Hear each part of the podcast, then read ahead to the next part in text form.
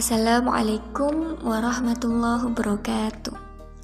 Sahabat Muslimah Bicara, di Anchor Podcast Muslimah Bicara kali ini kita akan sharing tentang masalah internasional, tentang agenda global yang tentunya berperan penting ya dalam kehidupan umat hari ini. Itu terkait dengan krisis lingkungan, penyebab dan solusinya dalam dua pekan ke depan bertepatan dengan agenda internasional terkait perubahan iklim yakni konferensi COP26 di Glasgow, Inggris. Muslimah Timur Jauh mempersembahkan topik spesial terkait krisis iklim yang akan membahas penyebab sebenarnya serta memberikan solusi yang ditawarkan dari ideologi Islam sebagai alternatif daripada sistem kapitalis yang sudah mendunia dalam menyikapinya. Selain itu, juga akan menjelaskan prinsip-prinsip hukum dan pendekatan Islam dalam melindungi dan melestarikan kehidupan ini, termasuk pengelolaan sumber daya dengan cara yang selaras dengan alam. Sementara di saat yang sama juga memastikan kemajuan dan pembangunan ekonomi bagi umat manusia.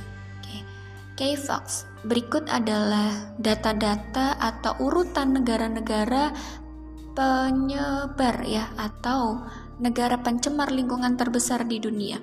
Yang pertama adalah ranking 1 ditempati oleh negara Cina. Penyumbang emisi terbesar di dunia ini adalah berasal dari Cina sebenarnya dan Amerika.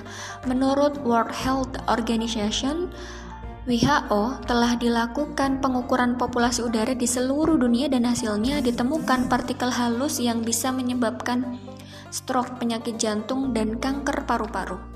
Menurut data tahun 2018 dari Global Carbon Project, Cina adalah penghasil emisi karbon dioksida terbesar di dunia.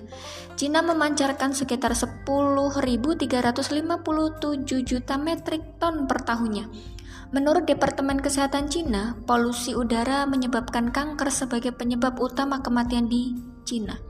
Dan hanya satu persen dari 560 juta penduduk kota yang bisa menghirup udara bersih dan dianggap aman. Pada tahun 2006, Cina menyalip Amerika Serikat sebagai penghasil karbon dioksida terbesar.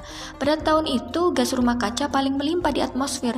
Lalu, pada tahun 2019, tahun terakhir sebelum pandemi ini melanda, emisi gas rumah kaca Cina hampir dua setengah kali lipat dari Amerika. Angka itu lebih dari gabungan semua negara maju di dunia. Menurut analisis dari Rhodium Group sebagaimana dikutip dalam laman cnn.com. World Research Institute mencatat lebih dari setengah emisi gas rumah kaca disumbang 10 negara di dunia. Dari data Climate Watch yang dirilis WRI Indonesia, Tiongkok menjadi kontributor emisi gas rumah kaca terbesar. Negeri tirai bambu itu menghasilkan 12.399,6 juta metrik ton karbon dioksida ekuivalen. Jumlah ini setara yaitu 26,1% dari total emisi global, kata data pada Februari 2021. Kemudian negara penyumbang emisi terbesar adalah Amerika yang kedua. Ranking kedua ditempati Amerika Serikat dengan sekitar 5.414 juta metrik ton emisi karbon dioksida per tahun. Menurut laporan keadaan udara Amerika Lang Association Association 2018 lebih dari 133,9 juta orang di Amerika Serikat tinggal di daerah dengan tingkat pencemaran udara yang tidak sehat. Polusi menyebabkan penyakit termasuk asma, kanker paru-paru, dan rentang hidup yang singkat. Meski China adalah penghasil emisi terbesar di dunia, tetapi Amerika Serikat memimpin setiap negara hingga saat ini. Secara kumulatif, Amerika telah mengeluarkan CO2 atau karbon dioksida hampir dua kali lipat dari China.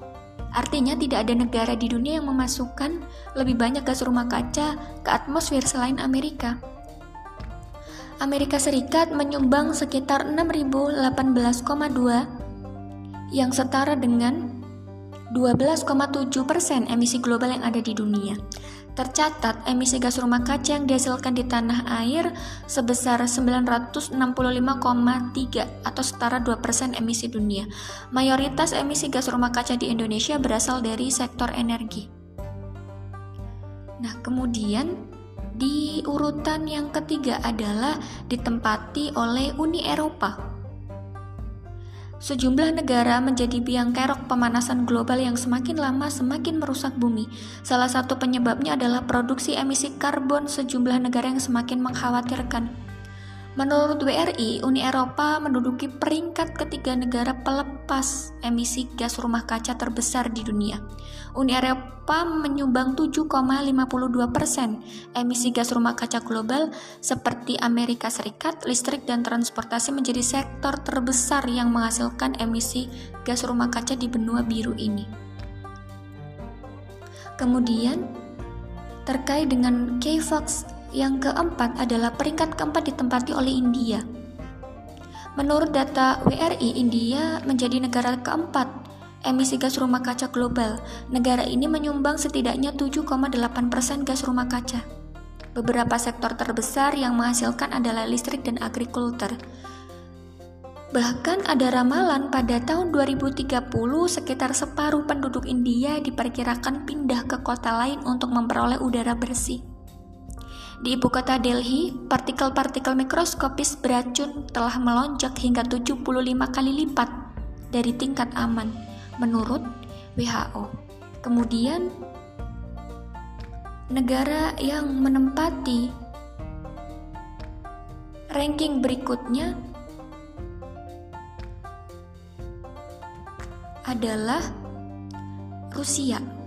Rusia adalah negara pencemar lingkungan terbesar yang kelima, menurut WRI, yang dipim negara yang dipimpin oleh Vladimir Putin itu menjadi negara kelima penyumbang gas emisi rumah kaca, yaitu memproduksi sebesar 5,36% dari emisi gas rumah kaca global. Penyebabnya adalah beragam, masalah lingkungan, termasuk penggundulan hutan, penggunaan energi yang berlebih, polusi, limbah nuklir, Menurut Kementerian Sumber Daya Alam dan Lingkungan Rusia, Rusia saat ini memanas dua setengah kali lipat lebih cepat daripada bagian dunia lainnya. Nah, atas hal ini itu adalah ranking dari urutan 1 sampai 5 negara-negara penyumbang emisi gas rumah kaca terbesar. Nah, sehingga krisis lingkungan ini dunia saat ini berada di persimpangan jalan dalam hal perubahan iklim dan bencana lingkungan yang melanda. Yang pasti, planet ini tidak aman selama sistem yang digunakannya masih mendominasi hanya untuk kepentingan, dan tidak ada obat yang dapat ditemukan untuk penyakit dunia di bawah arahan dan pemerintahan sekuler kapitalis. Sebab itulah, tentu diperlukan pendekatan radikal baru dalam menangani krisis dan melindungi planet ini dan umat manusia tentunya dari bahaya dan kerancuan. Minggu lalu, para, para menteri dan diplomat dari seluruh dunia akan berkumpul di Glasgow untuk menghadiri konferensi internasional PBB ke-26 tentang perubahan iklim yang ditujukan untuk mengatasi apa yang sering digambarkan sebagai darurat iklim atas planet ini. Agendanya adalah rencana mengurangi emisi global yang tinggi dari gas rumah kaca yang dihasilkan dari pembakaran bahan bakar fosil dan penggundulan hutan massal. Hal ini disebut menyebabkan kenaikan suhu rata-rata global di bumi dan menyebabkan peningkatan frekuensi dari volume cuaca ekstrim seperti gelombang panas, kekeringan, banjir, serta kebakaran hutan.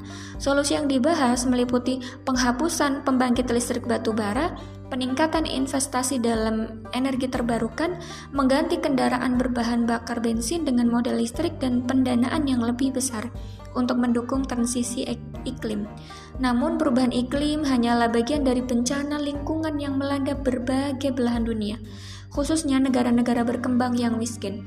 Perubahan ekosistem, kepunahan berbagai spesies hewan, erosi tanah, polusi, pencemaran sungai, laut dengan limbah beracun, pembuangan bertonton plastik, pakaian dan limbah lainnya hanyalah beberapa contoh masalah yang mempengaruhi daratan di seluruh dunia.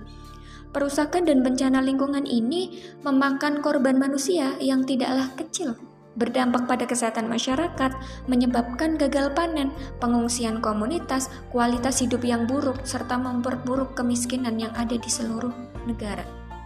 Komunitas internasional mengaku putus asa dalam menemukan solusi atas krisis ini.